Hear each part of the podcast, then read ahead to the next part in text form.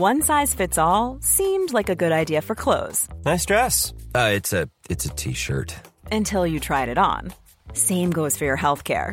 That's why United Healthcare offers a variety of flexible, budget friendly coverage for medical, vision, dental, and more. So, whether you're between jobs, coming off a parent's plan, or even missed open enrollment, you can find the plan that fits you best. Find out more about United Healthcare coverage at uh1.com. That's uh1.com. Ready to pop the question? The jewelers at BlueNile.com have got sparkle down to a science with beautiful lab grown diamonds worthy of your most brilliant moments. Their lab grown diamonds are independently graded and guaranteed identical to natural diamonds, and they're ready to ship to your door. Go to BlueNile.com and use promo code LISTEN to get $50 off your purchase of $500 or more. That's code LISTEN at BlueNile.com for $50 off. BlueNile.com code LISTEN. One size fits all seems like a good idea for clothes until you try them on. Same goes for healthcare. That's why United Healthcare offers flexible, budget friendly coverage for medical, vision, dental, and more. Learn more at uh1.com. Gjenklang.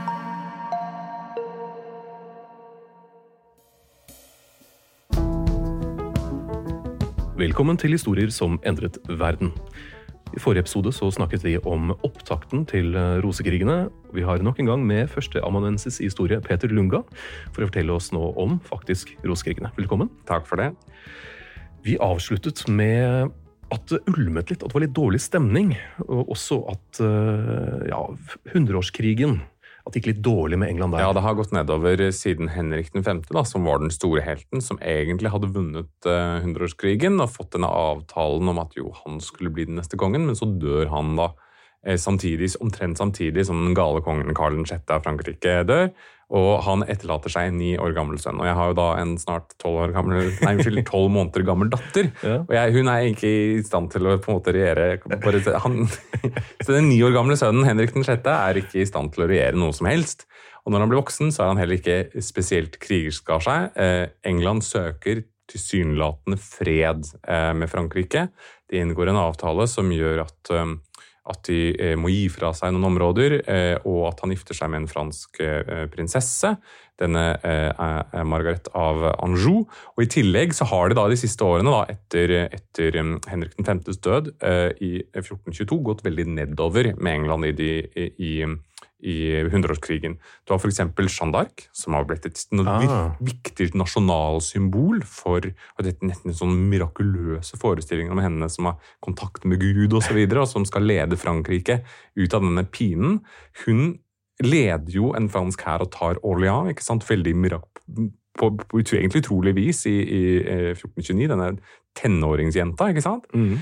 Og I tillegg så begynner Englands allierte å forlate dem. Vi har dette hertugdømmet Burgund, som er på en måte litt en del av Frankrike, men ikke helt. Og de har slåss mot den franske kongen og kongemakta sammen med England. De trekker seg nå og går tilbake til den andre sida, da. Og slår seg sammen med den franske kongen. Og så tar franskmennene Paris tilbake også da i eh, 1436. Og så skjer det at det, Derfor har det gått nedover. Og På 1440-tallet så skjer da dette ekteskapet mellom Henrik 6. og Margrethe av Anjou. Mm. Eh, og det foretas da den strategiske eh, eh, De gir tilbake dette her, grevskapet menn, som gjør at det blir vanskeligere å forsvare Normandie, da, fra, som de har okkupert i flere tiår. Hvor er menn sånn ish? Igjen, det er en sånn midt i Frankrike, okay, midt i. Vest-Frankrike omtrent. Eh, Ikke, eh, Normandie ligger jo et godt stykke nord, ikke sant? Um, uh, og det er jo et område som nå har der i utgangspunktet vært fordi hvis vi går et par hundre år tilbake, så var det jo der Wilhelm Erobreren kom Ikke fra. ikke sant? Uh, Så det er jo en forestilling om at dette er noe som på en måte tilhører den, den engelske kongefamilien. Så dette, Mm. dette, det er et område de har okkup- okkupert i flere tiår. Og så skifter de samtidig ut da, eh, øverstkommanderende for de franske toppene på 1440-tallet. Og da er det denne Richard, hertug av York, som mm. også er en etterkommer av Edvard 3. Eh, han blir skiftet ut med eh, Edmund Beaufort, hertugen av Somerset. Ah, det kan ikke ha vært så populært. Nei, Veldig lite populært for Richard, selvfølgelig. Ja. Um, uh, og uh, Beaufort-familien har jo, som jeg har sagt, um, uh, de kontrollerer veldig mange av de aller høyeste stillingene i, ved hoffet, um, og er fryktelig upopulære. Og det blir ikke noe bedre av at Somerset mislykkes totalt i Normandie og taper hele provinsen i 1450 Oi. etter flere tiår med okkupasjon. Altså det er total kollaps. Og til og med dette området sør i Frankrike, som heter Gascogne, det mister de da i 1453 etter å ha styrt provinsen i 400 år. Og det er total Ai, ai, ai. ydmykelse av England. De taper hundreårskrigen, så det synger. Det eneste de har igjen av frank fransk territorium, er den lille, lille havnebyen Calais helt nord i Frankrike. Da. Og det er traumatisk for det engelske kongedømmet å tape, og statskassa er helt skrapa. Ja, York-familien kan vel umulig ha vært veldig happy med dette. Nei, og, og Richard av York blir jo sendt da til Irland eh, isteden. Um, eh, og det er jo et slags eksil, da. Eh, men han er jo dritforbanna på Somerset, og, og, som ikke sant, først erstatter ham, eh, og så bare mislyktes Ja. totalt. da. Og kongen eh, må ha sikkert havnet i nok en katakonisk eh. Eh, tilstand. Ikke, ikke helt med en gang. Okay. Det, det tar litt tid, men ikke sant? dette henger sammen også med økonomiske forhold i, i England. Eh, for de er nemlig avhengig av en fungerende handel eh, med kontinentet for å få inntekter, men nå blokkerer jo Frankrike det. Eh, Hundreårskrigen har jo totalt ødelagt dette her. Så Vi har et eksempel da under Rikard 2., for eksempel, da, som er helt på slutten av 1300-tallet. Han har en årsinntekt som vi kjenner til, som er på ca. 120 000 pund i året. Det er litt vanskelig å omsette til moderne penger her, men men relativt så er det mye høyere da enn det Henrik 6. får etter slutten av hundreårskrigen, hvor han bare får 30 000 pund i året, sånn cirka. da. Mm. Og her har svartedauden også medvirket, for den har jo herjet av og på i Europa. ikke sant? Svartedauden var ikke én epidemi Nei. som skjedde én gang på 1300-tallet. Den kom tilbake igjen og igjen og igjen, tok livet av folk, holdt på en måte befolkningen liksom varig nede. Og det gjør at eh, de som er igjen, kan kreve høyere lønn, de kan kreve jord, og det gjør da igjen eliten, adelen, fattigere. For de må betale høyere priser for arbeidskraft.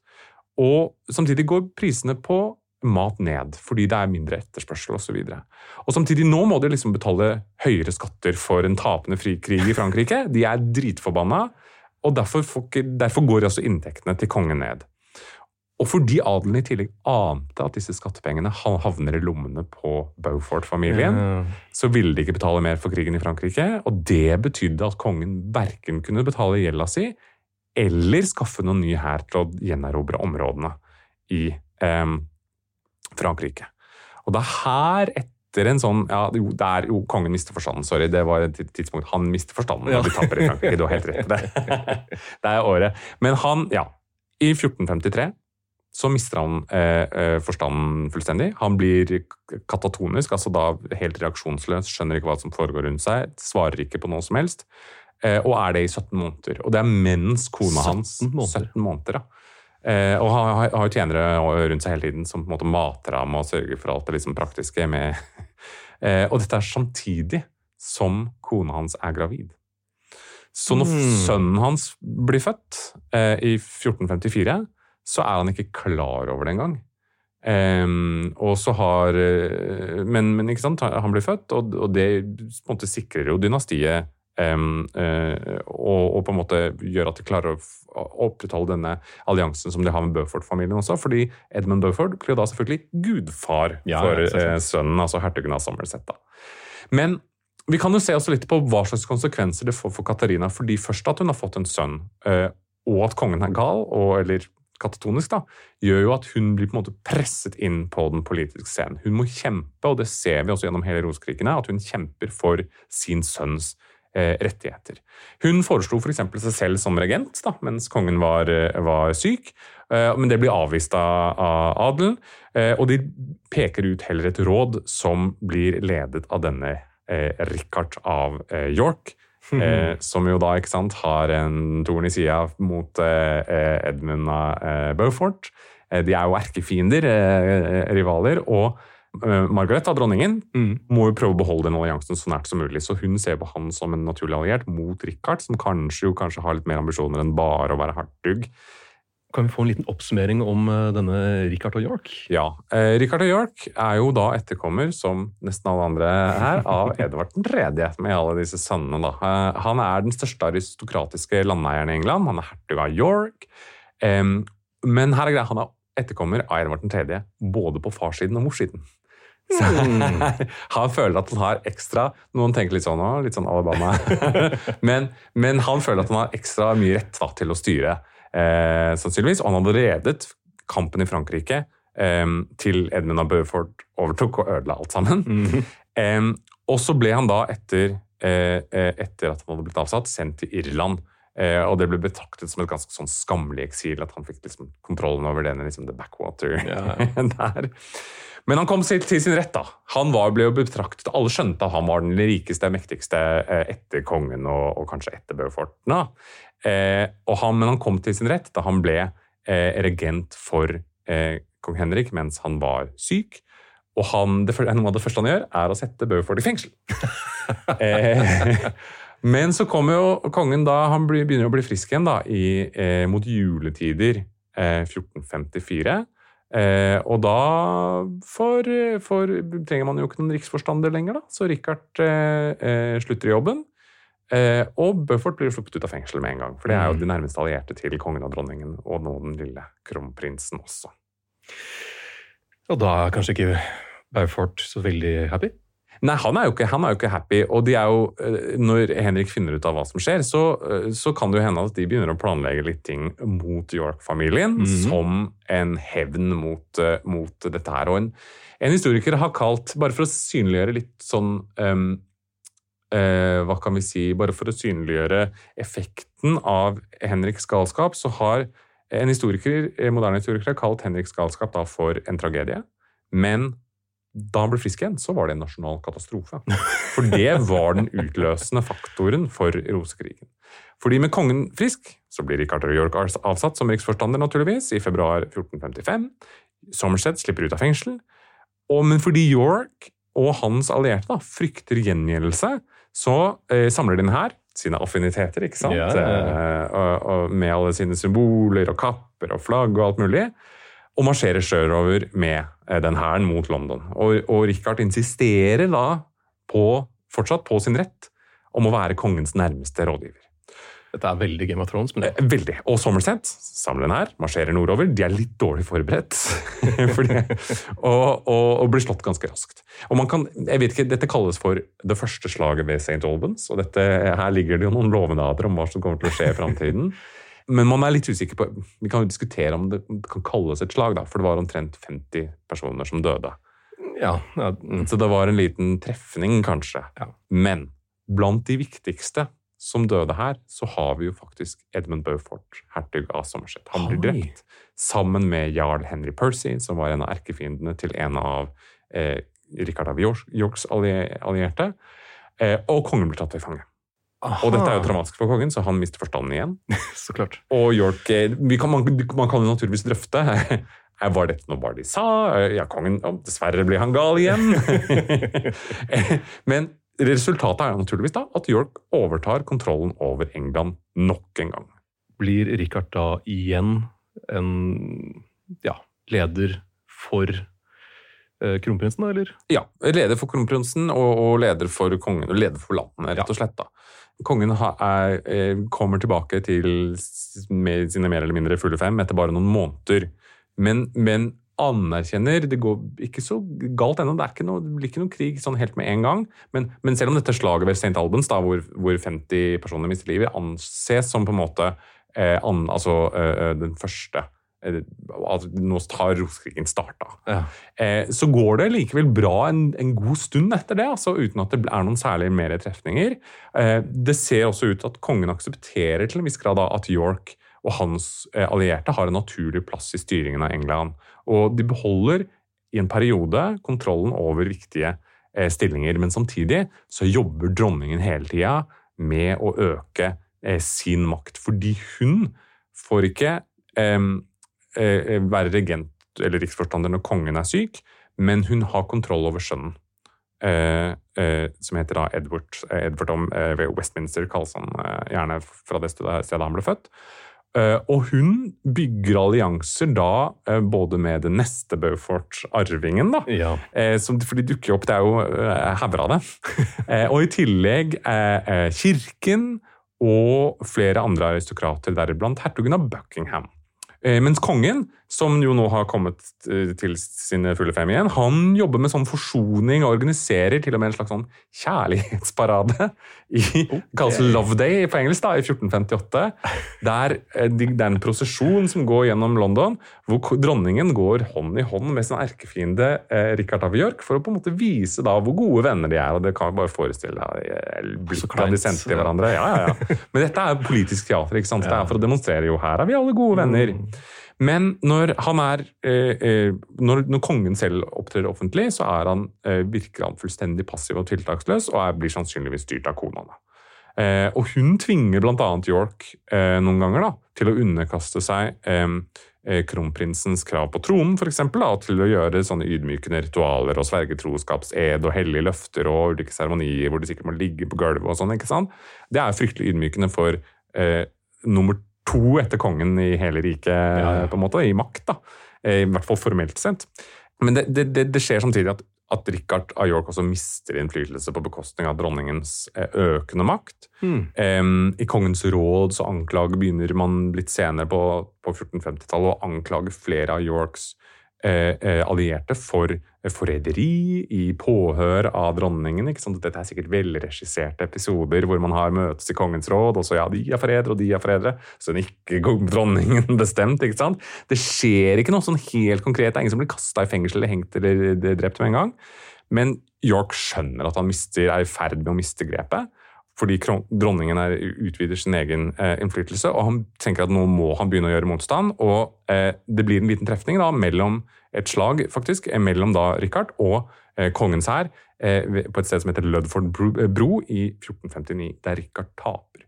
Og Det henger egentlig sammen med at kongen er personlig til stede. Han er ikke gal på dette tidspunktet her, men han viser seg, og det har en stor symbolsk kraft. ikke sant? For det å slåss Man kan godt si kongens rådgivere er kjipe, vi må erstatte dem. Det ligger ofte til grunn for opprør mot ja, nettopp kongen. da. Mm.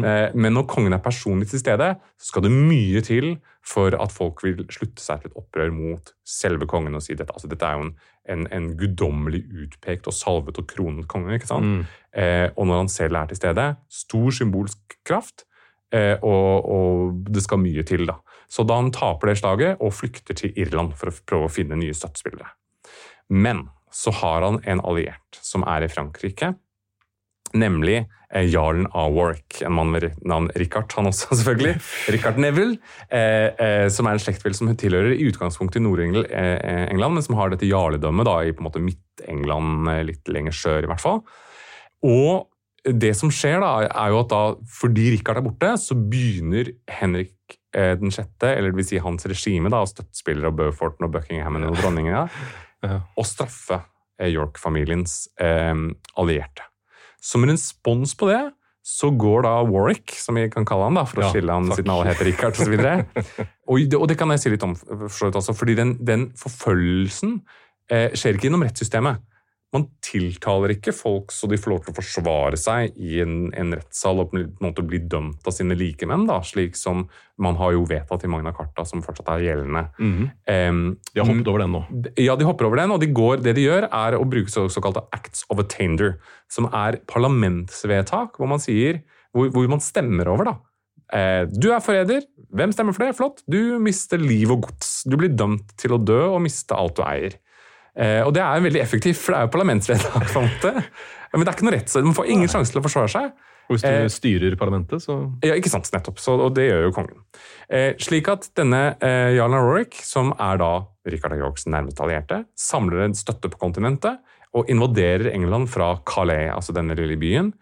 eh, de slår kongens styrker ved Northampton og tar ham til fange. Nå, nå er vi i 1460. Og Deretter så tar de London og hele eh, Sørøst-England. Og York, når han får høre om dette, er i Irland, skynder seg tilbake. Eh, Warwick har gjort grovarbeidet og eh, dukker opp i parlamentet høsten 1460, der han plutselig krever tronen. oh. Og det er noe helt nytt, ikke sant? Fordi Problemet er jo at han har ikke fortalt det til noen av tilhengerne sine. at han har planer om det. da, altså Tyder kildene på. så de, de, Kravene blir møtt med øredøvende stillhet. Hæ? Du vil bli, hæ? Du vil bli hva? Hæ? Konge? Hæ? Eh, eh, og de nekter. Oi. Og de inngår et slags kompromiss i stedet, fordi han har jo nå det militære overtaket. Så de inngår en sånn eh, avtale på nytt, at han skal bli riksforstander, og så kan han få bli Henrik 6.s arving.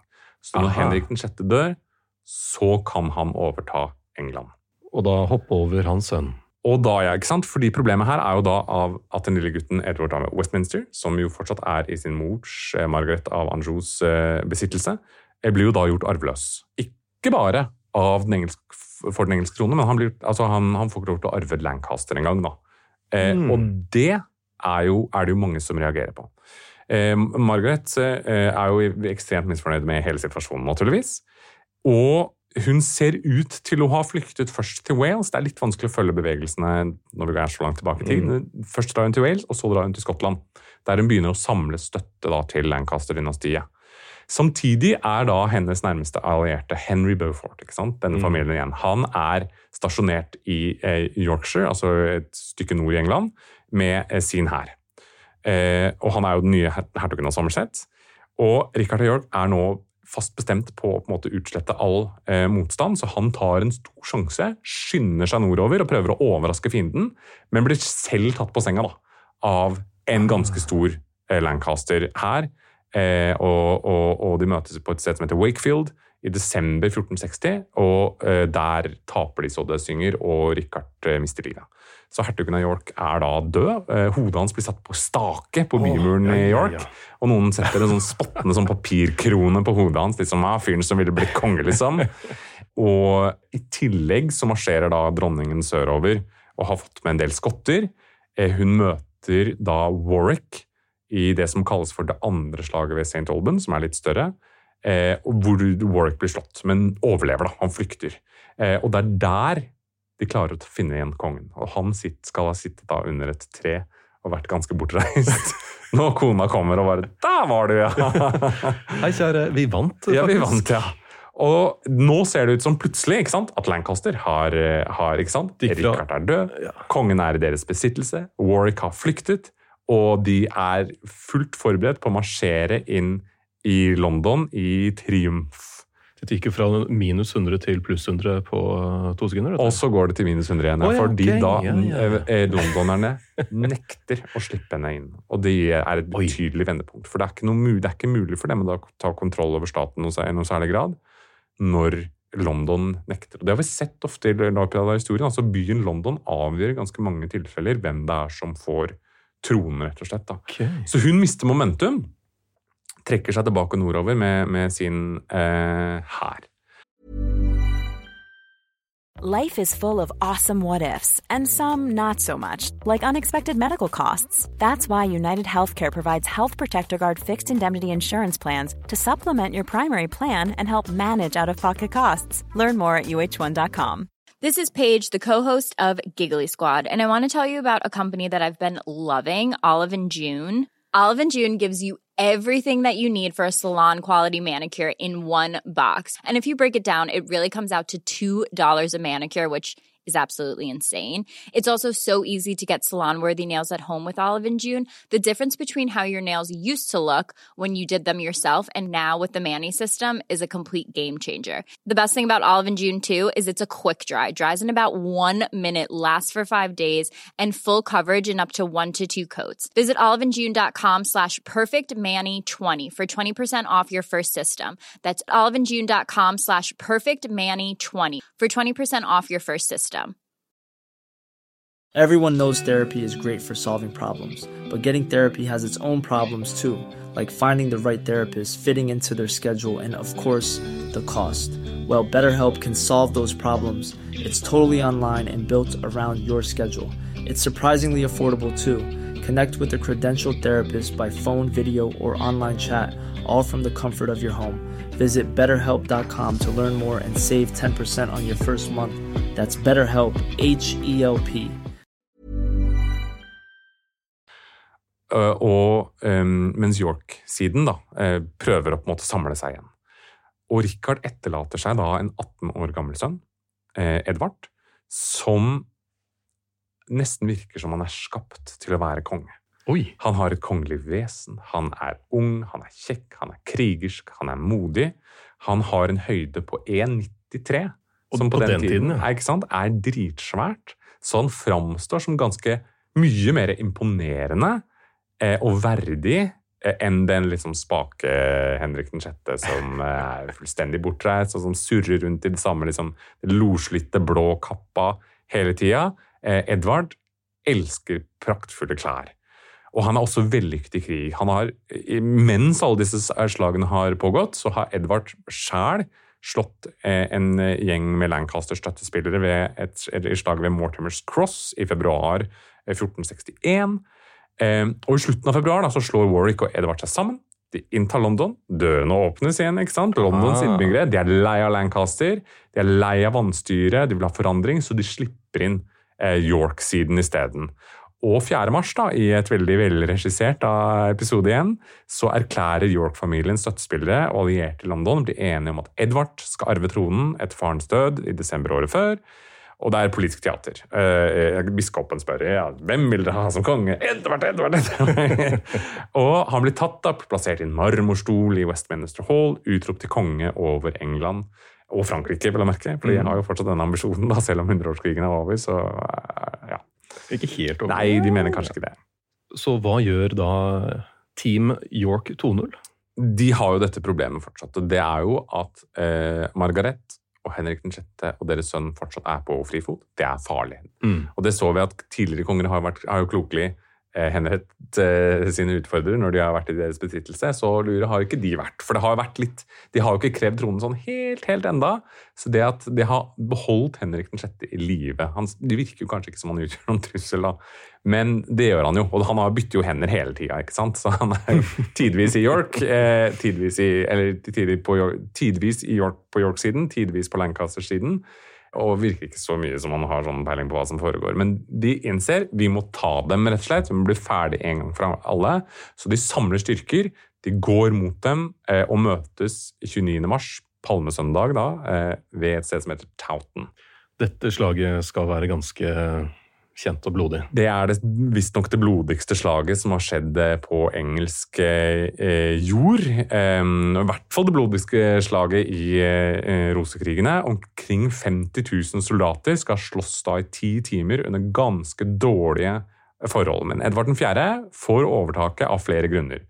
For det første så har York-siden har jo da vind i ryggen. Det betyr at pilene deres kan fly lenger, de kan være mer taktiske. Eh, De er på en høyde, mens da Lancaster-siden de får vind mot seg. Og det snør i tillegg. Snør, Så de får snøen i trynet, eh, og de må gå i oppoverbakke. Og de blir slak slakta ned fullstendig. Eh, eh, og, og krønikene som vi har, da, som forteller om det slaget, de overdriver nok litt om hvor mange som var til stede, hvor mange som døde. Det, er, det varserer på en måte tall om påstander om at det er 3% av den engelske menn mistet, mistet livet i slaget. Riktigere å si er kanskje 1,3% men det er fortsatt ganske store tall. Da. Vi snakker om eh, 12 000-13 000 døde eh, totalt, som er mye. Ja. Hvis det hadde vært 1,3% for eksempel, i Norge i dag, så Ja, ikke sant. Det er ja, veldig, veldig mange. Så, men det er et betydelig seier for, for eh, Team York, og Lancaster-familien flykter. hva med, hva med dronningen? Nei, slipper unna. Slipper Ja, unna og, slipper unna, ja. og de, kongen også, og deres sønn også. Så de, de rømmer til Skottland. Aha. Ja, da, da er vel alt eh, fint og overstått, og Edward og York er konge, og En god stund. Fred og gammen? En stund er det gammen i England. Det hersker fred, og Edvard bruker noen år på å på konsolidere makta si. Eh, går til parlamentet og får en formell avsetting av eh, Henrik 6. Han blir formelt innsatt. Og så har han to brødre, eh, George, som er hertug av Clarence, og Richard, som er hertug av Gloucester. De hjelper ham. Nok en Richard, ja. Og til og med i 1465 så blir Henrik 6. tatt til fange Ah, men ikke drept. Han blir tatt i fengsel i Tower. Og det er som jeg har sagt, det er farlig å la tronkrevere leve. Det finnes folk som mener Roskrigen er ikke over, og som bruker all sin tid og alle sine krefter på å skaffe penger og tropper til en ny krig, og som får hjelp av Englands gamle fiender, nemlig Skottland og Frankrike.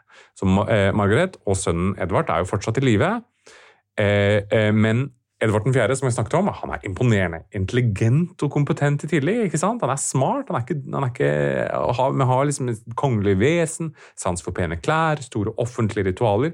Så klarer han på en måte å gjenopprette da, kongemaktas verdighet. Men han er også litt impulsiv.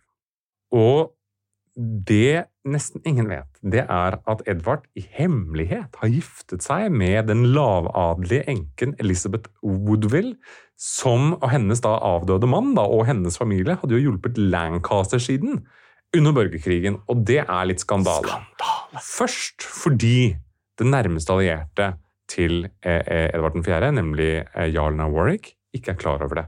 Og han setter himmel og jord i bevegelse på å få Edvard 4. til å gifte seg med en fransk prinsesse. Og etter, eh, etter forhandlinger liksom fram og tilbake og fram og tilbake, så nevner Edvard i forbifarten at jo, han er jo allerede gifta. Og Warwick blir fullstendig satt ut. ikke sant? Ydmykelsen også blir total når Edvard 4. henter Elizabeth Woodville og hennes familie, da, eh, som i Warwicks øyne er jo bare en gjeng med oppkomlinger. ikke sant? De blir hentet i hoffet og satt inn i viktige stillinger. Så eh, eh, Warwick har en ny idé. Ok, greit. Eh, han fikk ikke til et ekteskap, men vi er fortsatt buddies. Eh, hva skal vi gjøre nå? Jo, kanskje eh, en av mine døtre da, kan gifte seg med George, som er hertug av Clarence, som er mm. da kongens bror. Eh, får vi lov til det, Edvard? Nei. Han nekter fullstendig, og da gidder ikke Warwick lenger. Han har blitt ydmyket med dette ekteskapet. Han blir Kongen stikker kjepper i hjulene for planene hans om å gifte sin datter med Eh, eh, Clarence. Og han har hjulpet eh, kongen han, mye. veldig mye. Og han eh, gidder ikke, han begynner å motarbeide kongen. Først så organiserer han et opprør i Yorkshire, litt sånn mislykka, men det er, man fremmer en del punkter på det opprørets agenda da, som på en måte sammenfaller litt sånn mistenkelig med Warwicks, hmm. Warwicks agenda også. Eh, og det mislykkes, så han stikker av til Calais, som er denne byen i Frankrike. Mm. Og der så i hemmelighet, da, så gifter han sin datter Isabella til um, George av Clarence. Eh, og lanserer George da som kandidat til eh, tronen. Altså, han i hemmelighet så gifter han sin datter til George, som han fikk nei ja, først? Ja. Okay. Så, så, så, da denne Isabel Neville er da gift med George of Clarence, og så tenker de nå er det George som skal bli konge isteden. Og George sitt forhold til sin bror er Kanskje ikke kjempebra Nei. akkurat nå. Eh, han har i hvert fall ambisjoner som går veldig på kryss av det, eller på, på tvers av de planene som kongen har. da. Så de drar tilbake til England, og jeg har kjempeflaks. De klarer å ta kongen til fange. Eh, putter han i fengsel. Yes. Eh, de henretter eh, eh, kongens eh, svigerfar og svoger fra denne Woodville-familien mm. som forrædere. Og så stopper hele dette opprøret opp fordi parlamentet nekter å anerkjenne eh, kuppforsøket. Kaos begynner å spre seg i, i, landet, og Warwick må gi opp. Så de, de, de flykter tilbake Frank til Frankrike, og Edvard 4. slipper løs. Og, og Warwick må bare eh, Ja, nei, de forlater landet, rett og slett. Da. Men de prøver på nytt. Oh, ja. I 1470. Fordi i Frankrike så er Warwick, møter Warwick dronning eh, eh Margaret. For hun har kommet fra Skottland til Frankrike? Ja, det er jo der hennes familie hører hjemme. ikke sant? Så hun, de blir enige der om at de skal gjeninnsette Henrik den 6. Og dette er litt av grunnen til at denne Warwick kalles for The Kingmaker, altså kongemakeren. Ah. Han er en lojal støttespiller, men han er en lojal støttespiller for veldig mange. Mm. Først, han jo, først prøver han jo å innsette Richard av York, så klarer han å innsette Edvard 4. Så prøver han å innsette Georgia Clarence, men får det ikke helt til. Og så hopper han over til Team Lancaster plutselig, og skal nå plutselig gjeninnsette da eh, eh, Henrik eh, den sjette. Fordi, Men Margaret stoler jo ikke på han i det hele tatt. Okay, okay, er jo, det er jo skiftende eh, lojalitet her hele tida. Først bebreider hun ham for at Henrik den 6. ble avsatt til å begynne med. Han er mm. den verste fienden deres, så hvorfor skal de liksom alliere seg nå?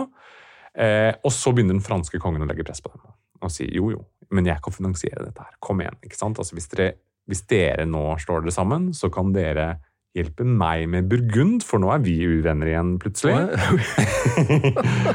og etter to ukers press så går Margaret med på det.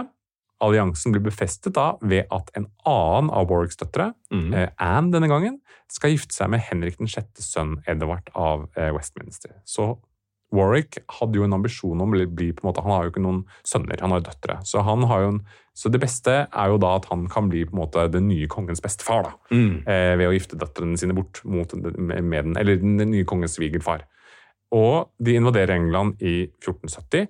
Eh, Margaret venter i Frankrike med sin sønn, bare for å sørge for at alt er liksom i, i, i skjønneste orden før de flytter over. Og de slår Edvard 4. i slaget ved Edgecote Moor, og marsjerer deretter inn i London uten å møte noen noe motstand.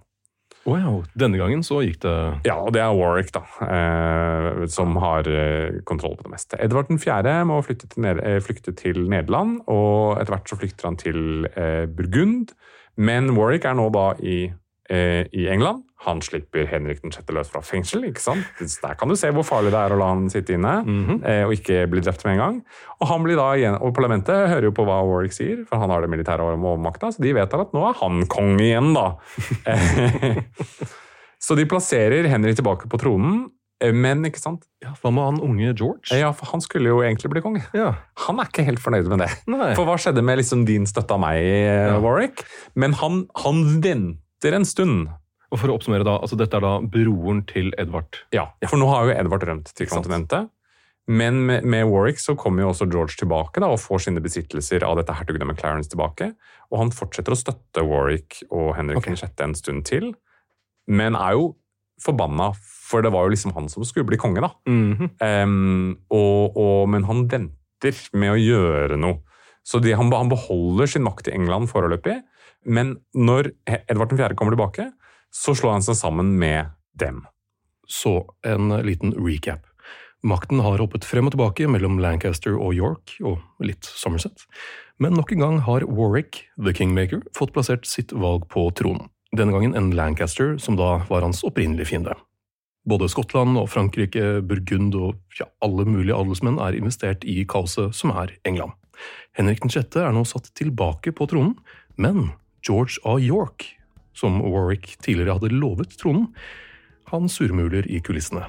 Samtidig er Edward 4., den avsatte kongen, fortsatt i live på kontinentet. Neste uke kommer avslutningen på denne historiske dramaserien som Peter Lunga her skal lose oss gjennom. Til da, på gjenhør.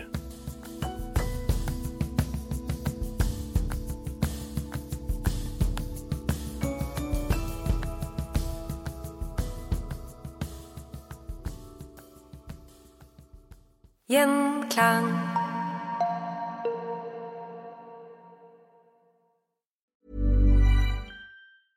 Mom deserves the best, and there's no better place to shop for Mother's Day than Whole Foods Market. They're your destination for unbeatable savings, from premium gifts to show-stopping flowers and irresistible desserts. Start by saving 33% with Prime on all body care and candles. Then get a 15-stem bunch of tulips for just $9.99 each with Prime. Round out Mom's menu with festive rosé, irresistible berry chantilly cake, and more special treats. Come celebrate Mother's Day at Whole Foods Market.